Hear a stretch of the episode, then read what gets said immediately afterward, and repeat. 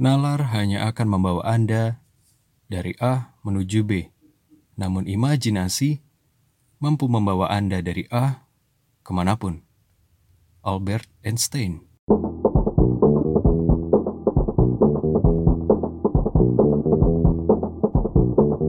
Alfa Bicara Podcast, halo kamu semua. Berjumpa lagi dengan saya di hari ini.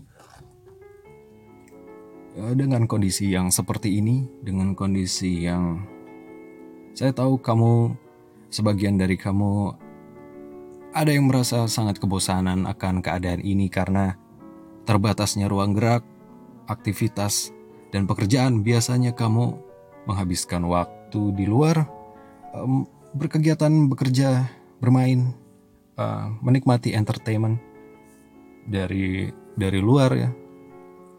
Tapi sekarang dipaksa, terpaksa harus menikmati semuanya itu dari rumah. Memang bukan semuanya atau tidak semuanya bisa menikmati hal itu. Saya pernah bilang bisa bekerja dari rumah, bisa belajar sekolah dari rumah itu merupakan privilege. Uh, hak tertentu yang dimiliki beberapa orang, beberapa kelas sosial atau golongan tertentu, dan sedangkan kelas sosial atau golongan yang lain belum tentu dapat dan tentu dan belum tentu bisa. Um,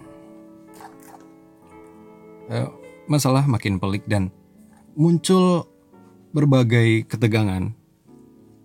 Bisa dibilang uh, konflik horizontal gitu.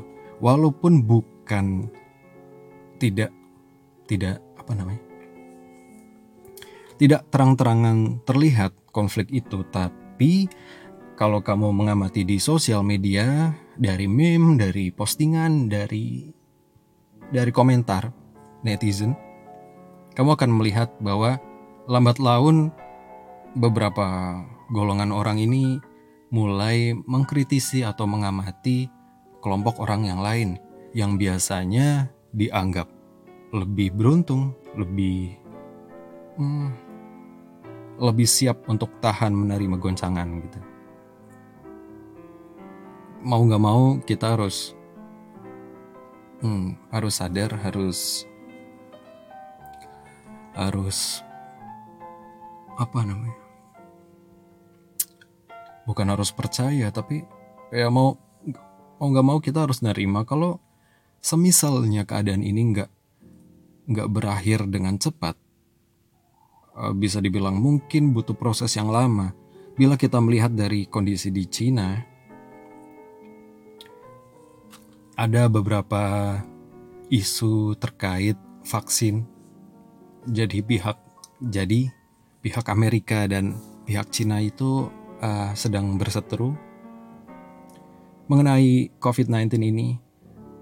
Yang saya baca sedikit pihak Amerika menuduh pihak Cina karena menyebarkan atau menciptakan virus ini dan pihak Cina menuding bukan bukan kami yang menciptakan dan klaim vaksin yang sudah jadi uh, macam-macam macam-macam banyak teori konspirasi dan di setiap keadaan apa pun pasti ada saja yang memanfaatkan keadaan ini untuk meraup keuntungan atau pundi-pundi uangnya atau uh, ratingnya di dunia maya seperti itu. Seperti pembuat konten yang lagi panas adalah teori konspirasi. Beberapa orang yang ya bisa dibilang terkenal namun keahliannya mungkin bukan di bidang itu. Kita kenalnya sebagai musisi atau entertain, entertainment, kok entertainment? Entertainer kita mengenalnya sebagai orang yang terkenal di sosial media atau di publik, di media massa, tapi membicarakan hal yang sebenarnya bukan ranah mereka, atau sebenarnya mereka bukan ahli-ahli banget. Di obrolan, karena kita tahu, saya tidak menganggap ini adalah lockdown, mungkin semi karantina, kita sudah melakukan semi karantina, tapi kalau kita cermati di eh, sekitar kita di postingan story eh, teman-teman kita sepertinya jalanan masih ramai dan masih seperti biasanya. Hanya saja Hanya saja beberapa kegiatan ekonomi agak menurun seperti penjualan harga-harga mulai naik apalagi ini udah masuk di bulan Ramadan. Saya juga pernah bilang sebelum Ramadan untuk menyiapkan beberapa uang berapa tabungan kamu karena mungkin ini akan panjang. Karena mungkin ini enggak selesai satu dua bulan bisa jadi sampai akhir tahun atau awal tahun depan. Kita nggak tahu karena vaksinnya belum ketemu dan penyebarannya juga diam-diam kita kita seperti menghadapi alien, menghadapi musuh yang nggak kelihatan. Nggak kelihatan. Jadi serba salah. Beberapa gang atau jalan kecil itu sudah mulai ditutup oleh beberapa pihak. Lalu larangan untuk mudik. Lalu ada ada ini lagi, ada apa namanya saya bilang mispersepsi atau jadi guyonan publik gitu antara pulang kampung dan mudik. Saya nggak mau memblow up atau atau mengkonsumsi atau memanfaatkan itu untuk bahan gunjingan atau guyonan lagi karena nggak nggak penting juga. Tapi eh, betapa ironisnya ketika pengampu kepentingan yang ada di sini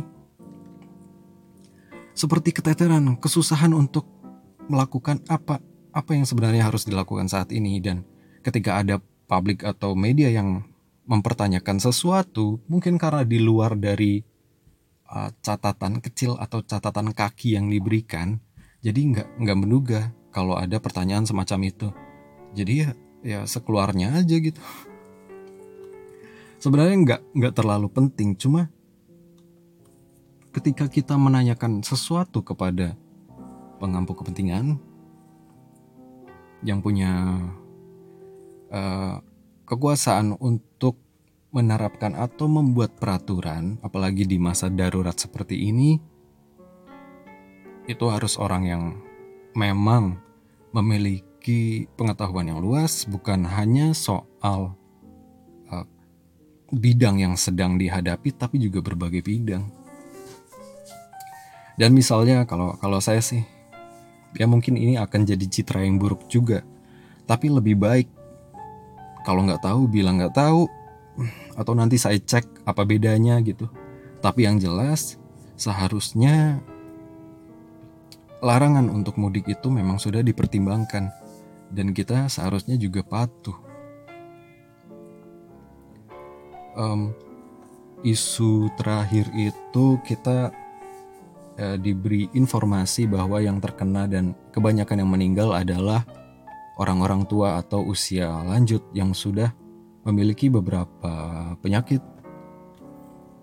Jadi, apabila mereka terkena virus tersebut akan memperparah keadaan kesehatan mereka dan akhirnya mereka tidak tertolong. Tapi beberapa kasus uh, terbaru ada juga yang uh, dalam hitungan usia masih muda itu sudah meninggal karena hal itu. Jadi siapa pun bisa terkena dan siapa pun bisa dijangkiti virus tersebut karena juga kita belum jelas. Mungkin ada gejala tertentu yang yang timbul dari beberapa orang mungkin juga ada yang nggak nggak menimbulkan gejala apa apa jadi kita nggak tahu gitu. Dan kayaknya males deh males ngobrolin hal ini terus dan kayaknya emang kamu udah udah bosen kali ya untuk ngobrolin hal yang ini ini terus. Karena selama beberapa bulan mungkin dua bulan berita di televisi di media massa di media sosial itu berkutat dengan hal corona. Eh, beberapa pejabat publik seperti bupati wali kota dan gubernur bahkan presiden juga setiap hari dan juga ketua itu tim khusus untuk menanggulangi ini bencana dan terutama COVID-19 ini juga setiap hari membagikan informasi terkini lewat saluran mereka masing-masing. Selalu ada penambahan jumlah ODP dan PDP atau seseorang yang positif, bahkan kasus kematiannya juga. Yang paling yang paling yang paling bikin miris adalah ketika uh, beberapa dokter yang mengurusi masalah itu juga ikut meninggal dunia. Terakhir saya lihat dokter yang mengurusi Bapak Menteri kita. Dan waktu saya lihat Bapak Menteri kita berbicara ya, bukan di depan publik tapi di sorot kamera juga nafasnya masih terengah-engah. Saya gak khawatir juga dan wajahnya juga pucat. Kita nggak boleh panik, tapi memang musuh ini kan nggak kelihatan. Jadi gimana kita nggak panik? Tapi di tengah banyaknya konten atau informasi tentang kejadian ini, kayaknya biar kamu nggak terlalu kepikiran stres dan dan membuat akhirnya membuat imunitas kamu turun karena stres dan lagi nggak bisa ke mana-mana. Mendingan konsumsi konten yang berbeda aja. Terlebih soal hiburan atau yang berguna, yang berguna. Yang berguna. Jadi ada banyak hal yang bisa kamu lakukan. Pertama, kalau kamu sudah mulai jenuh, bosan dengan berita corona terus corona terus, kau bisa mematikan TV kamu. Mematikan TV kamu, kamu bisa. Lalu kamu juga bisa mulai beberes, beberes rumah, beberes kamar, lalu menemukan sesuatu-sesuatu yang tadinya mungkin kamu nggak nggak bakal kepikiran gitu. Kamu pikir itu udah hilang, eh ternyata masih ada. Seperti kemarin saya sempat membersihkan ruangan, lalu ternyata ada beberapa item lama yang sebenarnya udah udah lama banget dan saya pikir uh, udah hilang. Eh ternyata masih ada. Lalu mengembalikan kenangan-kenangan masa lalu seperti itu. Jadi ada banyak hal yang bisa kamu lakukan. Tadi satu bersih-bersih bersih-bersih rumah bersih-bersih perabot. Tujuannya adalah salah satunya selain kamu bisa membersihkan rumah atau tempat tinggal kamu dari kotoran, dari bakteri dan mungkin ada virus, yang kita kan nggak tahu gitu. Itu bermanfaat juga buat kamu sendiri dan uh, refreshing, refreshing karena mungkin uh, di hari-hari biasanya kamu nggak ngelakuin hal seperti itu. Mungkin di hari-hari biasanya kamu uh, ruangan kamu atau rumah kamu di dibersihin sama rewang, sama asisten atau abang-abang go clean ini kamu harus membersihkan sendiri dan uh, lumayan mengasihkan apabila tadi menemukan hal-hal atau item-item yang uh, kirain udah hilang. Eh masih ada gitu. Lalu juga kamu bisa nonton film banyak list film yang yang yang bagus dan yang mungkin nggak kepikiran kamu tonton kamu bisa tonton. Apalagi beberapa aplikasi atau layanan streaming digital memberikan voucher gratis untuk beberapa hari atau kemarin kalau di video.com itu 14 hari di iFlix kamu lebih leluasa karena banyak yang gratis di sana tontonan gratis lalu apabila kamu kepengen kekinian banget gitu mengikuti tren kamu bisa juga menikmati konten yang ada di Netflix dengan langganan. Berapa itu? 50 ribu apa? Tapi kalau di Netflix kamu harus punya ID eh kartu kredit card ya kredit card. Kartu kredit. Banyak film. Uh, salah satunya adalah film kemarin saya ini uh, ngelihat Avatar Avatar The Last Airbender. Avatar Eng yang kepalanya itu ada panahnya. Itu lumayan lumayan lumayan membuat nostalgia lagi karena dulu waktu zaman sekolah waktu zaman SMP SMA itu kalau mau berangkat pagi-pagi itu ada film itu setelah SpongeBob atau sebelum gitu. Lucu sih. Jadi um, nginget-nginget lagi zaman dulu sebelum sekolah nonton Avatar. Lalu pas sore juga ada. Dan ceritanya bagus ternyata. Dan yang mungkin bikin bikin saya kecewa sama film ah seri itu adalah ketika difilmkan. Ketika difilmkan entah kenapa mungkin kebiasaan dari dari Hollywood dari sineas Hollywood gitu. Kalau mengadaptasi cerita yang bukan dari uh, Barat biasanya dari Asia uh, Cina Jepang uh, Korea atau negara-negara Asia Tenggara mereka nggak mau pakai bukan nggak mau mereka pengen tokoh utamanya itu bukan diperankan oleh yang sesuai gitu. Misalnya cerita Asia, seharusnya kan yang digambarkan adalah um, visualnya adalah orang Asia, ya harusnya orang Asia. Misalnya orang Afrika, ya harus orang Afrika. Biasanya mereka akan mengubah itu. Hal itu juga terjadi di Tekken, ya adaptasi uh, film Tekken dari game itu hancur. Dan juga Death Note. Mereka seperti nggak percaya, nggak percaya sama aktor atau pelaku seni peran dari Asia. Walaupun sekarang sudah sudah ada dan karena mungkin mereka menerima kritik macam-macam, kenapa dan dan ujung-ujungnya penjualannya juga flop banyak yang nggak suka, banyak yang kritik, akhirnya mereka juga mulai membuka diri dan mungkin mau nggak mau menuruti keinginan fans. Uh, di Avatar itu yang diadaptasi itu orang yang main orang Barat, yang main orang Barat. Di Tekken juga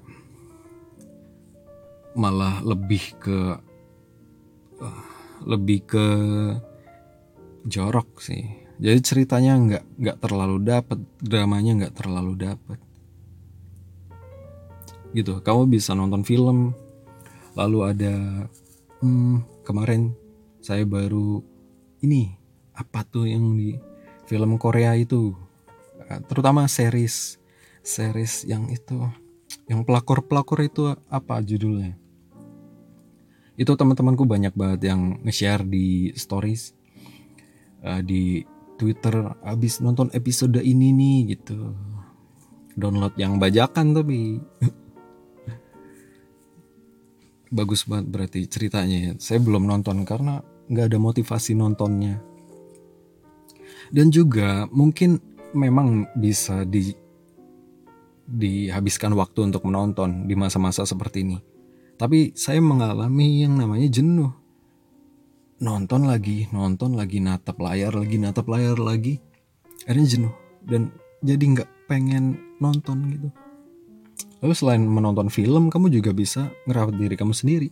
Biasanya kalau di hari-hari biasanya kamu tidur itu mungkin jam 10 jam 11 dan esok paginya itu udah harus beraktivitas lagi kena polusi lagi panas-panasan lagi kamu bisa memanfaatkan ya yang ini ya yang yang bisa kerja atau sekolah dari rumah ya. Kamu bisa memanfaatkan untuk merawat diri seperti mm, pakai masker kayak apa mandi tiga kali kayak apa kayak biar bersih gitu.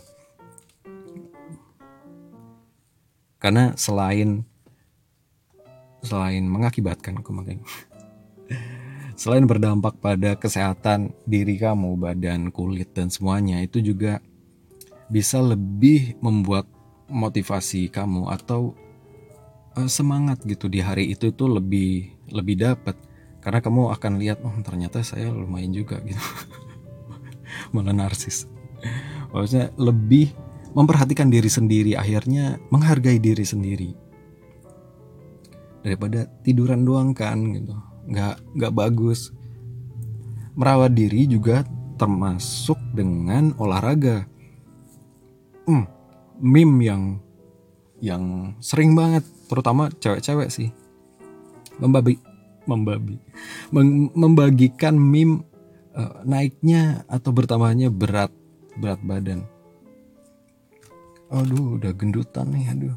Udah udah naik berapa kilo nih pipi tembem banget gitu. Ya kenapa? Cuma ngeluh aja gitu.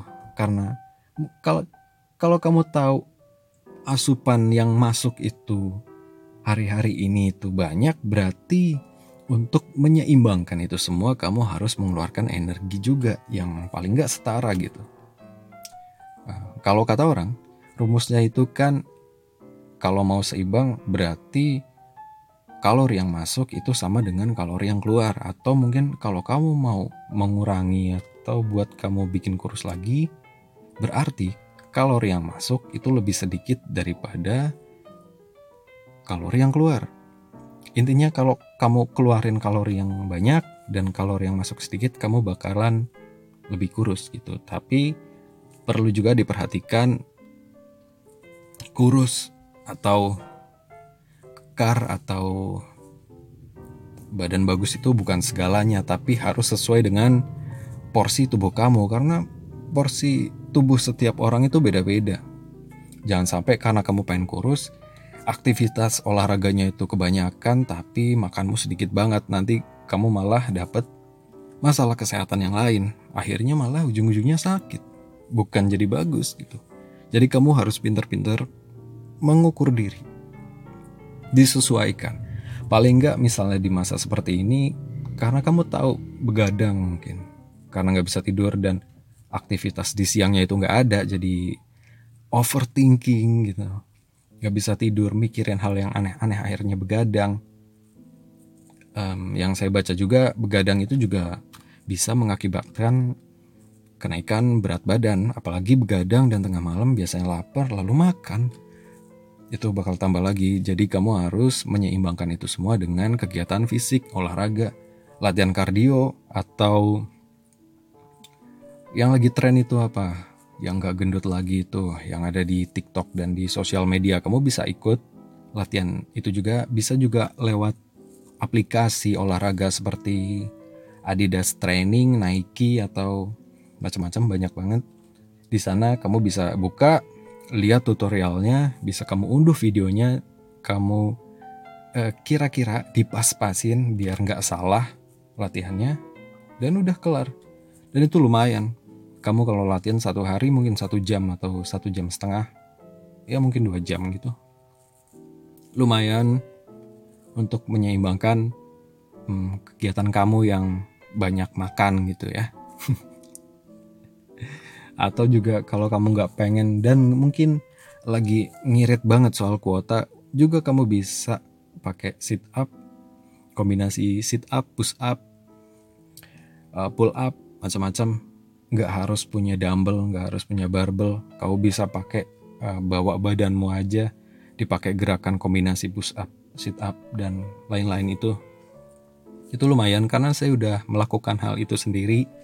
Uh, udah jarang nge-gym di tempat gym tapi lebih sering di rumah dengan melakukan kombinasi seperti itu. Latihan kardio, sit up, push up.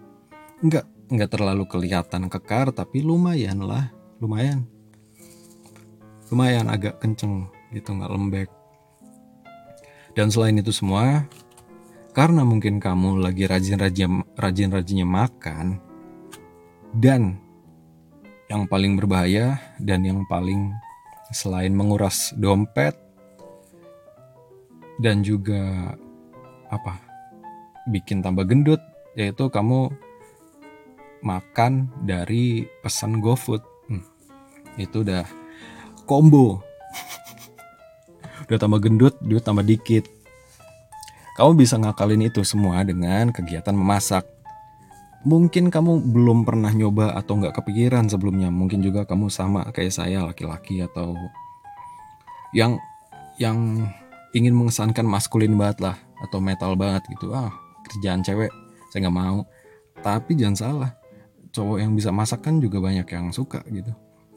Kau bisa mulai belajar dan selain juga kamu belajar buat masak, menambah keahlian baru, kamu juga bisa menghemat karena um, kamu bisa belanja, belanja uh, kebutuhan dasar. Kamu jadi tahu harga, apa aja yang naik, apa aja yang turun, kamu jadi tahu. Lalu biasanya belanja itu buat stok, sekalian aja buat stok karena lagi masa seperti ini jadi keluar rumah itu harus uh, ada fungsinya ada tujuannya gitu. Kamu bisa langsung uh, belanja untuk jatah satu dua minggu atau langsung satu bulan. Nanti silakan kamu hitung-hitung. Lebih irit mana ketika kamu makan di luar atau pesan GoFood daripada kamu masak sendiri. Dan tutorial masak itu udah banyak banget di YouTube ada di kalau kamu mau baca juga ada di Cookpad. Atau kalau kamu memang di rumah bukan di kosan kamu juga ada keluarga kamu atau di kosan kamu ada teman kamu. Dan banyak kok cewek-cewek yang juga udah suka masak gitu. As a hobi bukan bukan yang bukan yang karena kebutuhan sehari-hari tapi lumayan. Dan masak itu nggak susah-susah amat selagi selagi yang dimasak nggak susah. Uh, variasi telur dadar hmm, variasi masak mie dengan tumis-tumisan, goreng-gorengan itu masih gampang sih atau oven-ovenan. Bakar-bakaran, panggang-panggangan itu masih gampang. Tapi kalau misalnya masak soto, masak hmm, masak masakan yang Indonesia banget gitu kayak rendang atau oh, banyak macamnya itu agak lumayan sih, lumayan. Tapi kalau eh, nggak um, tahu sih rata-rata kalau misalnya masakan barat itu gampang-gampang. Tinggal campur-campur-campur di dipanggang eh, dipotong dikocok di itu. Biasanya sih seperti itu rata-rata. Atau variasi masak mie. Um, kalau kamu bosan masak mie yang itu itu aja uh, saya kasih rekomendasi mie yaitu satu untuk mie kuah. Itu mie bakso yang sedap warna bungkusnya warna hijau itu bumbunya lumayan dan kalau mie goreng itu yang iklannya Siwon rasa apa sih mie goreng itu? Ya itu. Itu lumayan. Kamu bisa menambahkan uh, variasi topping. Mungkin juga kalau kamu pas belanja juga beli saus buat spaghetti kamu juga bisa nambahin itu dan yang hmm, yang nggak penting juga sih. Tapi lumayan bikin enak yaitu keju keju sedar. Kamu bisa nambahin itu semua ketika mie-nya itu baru kamu angkat lalu kamu tiriskan masih panas-panas gitu lalu kamu eh, sikat kok sikat? Parut parut parut kejunya selagi minyak panas lalu kejunya meleleh di situ. Nambah kalori juga sih nambah gendut juga nambah lemak. Tapi itu lumayan. Eh, memasak itu selain menghabiskan waktu, uh, killing time, juga jadi sarana rekreasi, melatih kreativitas dan siapa tahu, siapa tahu dari keisengan kamu itu akhirnya kamu malah bisa buka catering kecil-kecilan. Siapa tahu temanmu itu malah cocok sama masakanmu, kamu bisa jadi jualan gitu. Itu malah bagus. Eh, di masa sekarang nggak semuanya mau seperti itu. Makanya ketika kamu mau melakukan seperti itu mau mencoba dan ada kemungkinan masakanmu enak dan disukai orang lain itu bisa jadi peluang bisnis yang bisa kamu lakukan. Apalagi ketika kerjaan kamu harusnya dari rumah atau sementara diliburkan kamu bisa dapat penghasilan tambahan dari kegiatan kamu di luar kerjaan yang utama gitu. Dan ini mungkin bukan untuk semua orang atau hobi semua orang, tapi kamu juga bisa menghabiskan waktu dengan membaca buku. Um, mungkin berapa ya? 5 atau 5 sampai 10 tahun yang lalu buku adalah musuh terbesar. Yang nggak terlalu suka buku, tapi selalu mencoba buat baca karena dulu juga di sekolah sempat jadi anggota mading uh, di perpus juga sering nongkrong di perpus tapi lebih banyak baca majalah musik dan majalah olahraga kayak soccer sama tabloid bola gitu bukan buku-buku yang novel atau cerpen atau buku-buku pelajaran serius. Tapi lumayan. Yang selalu jadi bayang-bayangan saya itu ketika di titik di titik di titik teman saya bilang kok kamu uh, waktu itu saya tanya kan waktu ketemu Jadi ceritanya saya udah kuliah di Semarang, teman saya masih kuliah di Purwokerto. Uh, ketika libur semester, saya pulang dan ketemuan yuk. Akhirnya ketemuan, saya ke rumahnya, ngobrol panjang dan uh, entah gimana, um, entah gimana ininya ya awalnya. Tapi ketika di satu obrolan gitu, saya sempat nanya, kamu bela-belain beli buku sampai ke Jogja, sampai ke Semarang ke Jakarta gitu? Emang kenapa? Di sini nggak ada buku bagus apa gitu kan? Lalu dia jawab iya lebih banyak dan lengkap serta murah di sana gitu daripada di sini. Ya, terus saya tanya kenapa sih? Emang penting banget ya baca buku gitu? Terus jawaban yang saya inget terus inget sampai sekarang yaitu dia jawab gini jadi um, kalau saya nggak baca buku saya tuh kosong gitu. Ketika saya kosong saya nggak bisa ngobrol sama orang saya nggak bisa ngomong. Dan ketika saya nggak nggak bisa ngomong nggak ada bahan buat ngomong saya jadi kesulitan berinteraksi sama orang lain sama, membuka obrolan sama orang lain gitu. Saya jadi kosong gitu. Dan saya nggak mau gitu. Dia jawab seperti itu. Hmm, di waktu itu saya nggak tahu apa maksudnya gitu padahal dia orangnya humble ya memang secara kecerdasan akademiknya memang dia lebih cerdas dari saya. Tapi akhir-akhir ini, tahun-tahun belakangan saya baru sadar, oh iya, iya, iya. maksudnya saya nangkep sekarang. Memang sumber informasi dan ilmu itu bukan cuma dari buku aja, bisa dari um, media audiovisual, video uh, seperti ini podcast, atau ya media yang menggunakan telinga gitu ya yang bisa didengar atau dibaca tapi bentuknya bukan tulisan. Tapi buku itu punya potensi lebih banyak dibanding media-media yang seperti itu. Dan yang saya baca juga, membaca itu, membaca buku itu mengaktifkan daya imajinasi di otak. Jadi bukan hanya dapat ilmunya, tapi juga otak otak kita juga terlatih. Begitu juga dengan menulis. Menulis bukan cuma kegiatan tangan, tapi juga kegiatan otak, olah otak juga.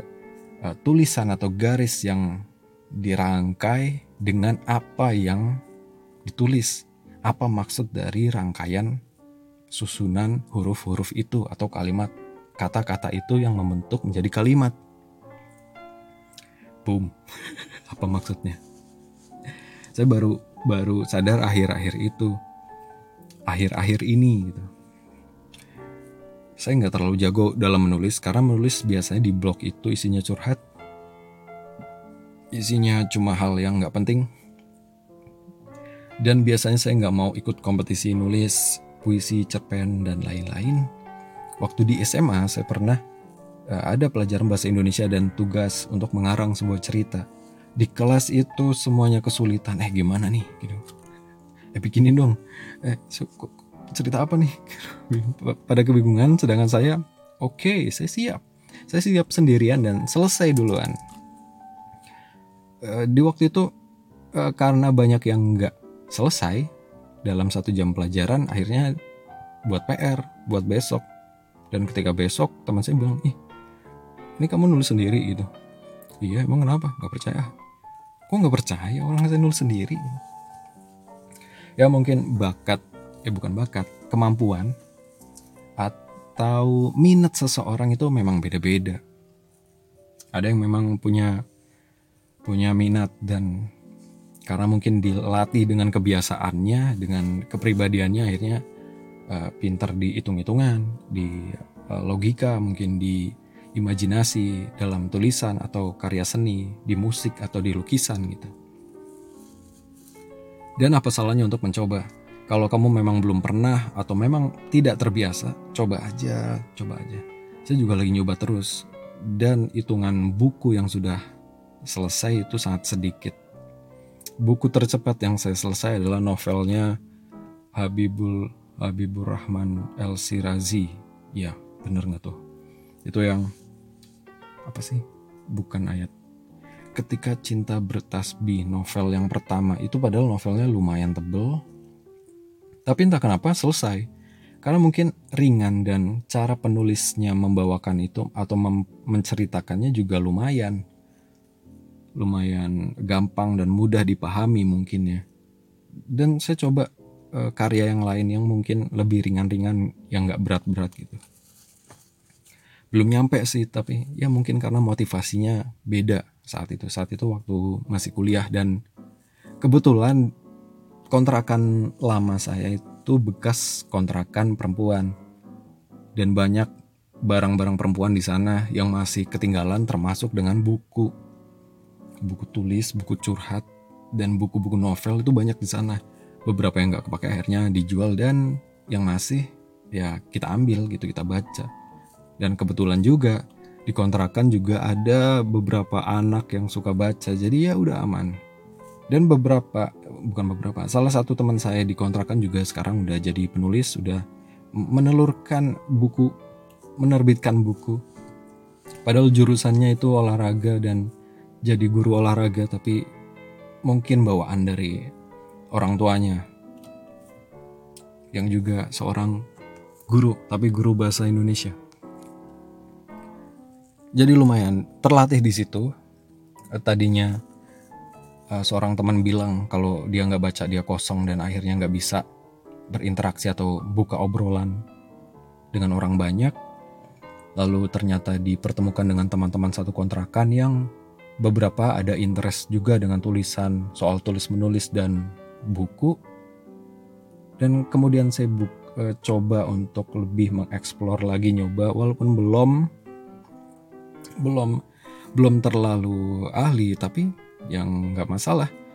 Saya pernah baca ya menulis saja nggak perlu bagus gitu. Kalau mau ber, kalau mau berkarya berkarya aja, nggak usah takut jelek karena yang pertama itu pasti jelek.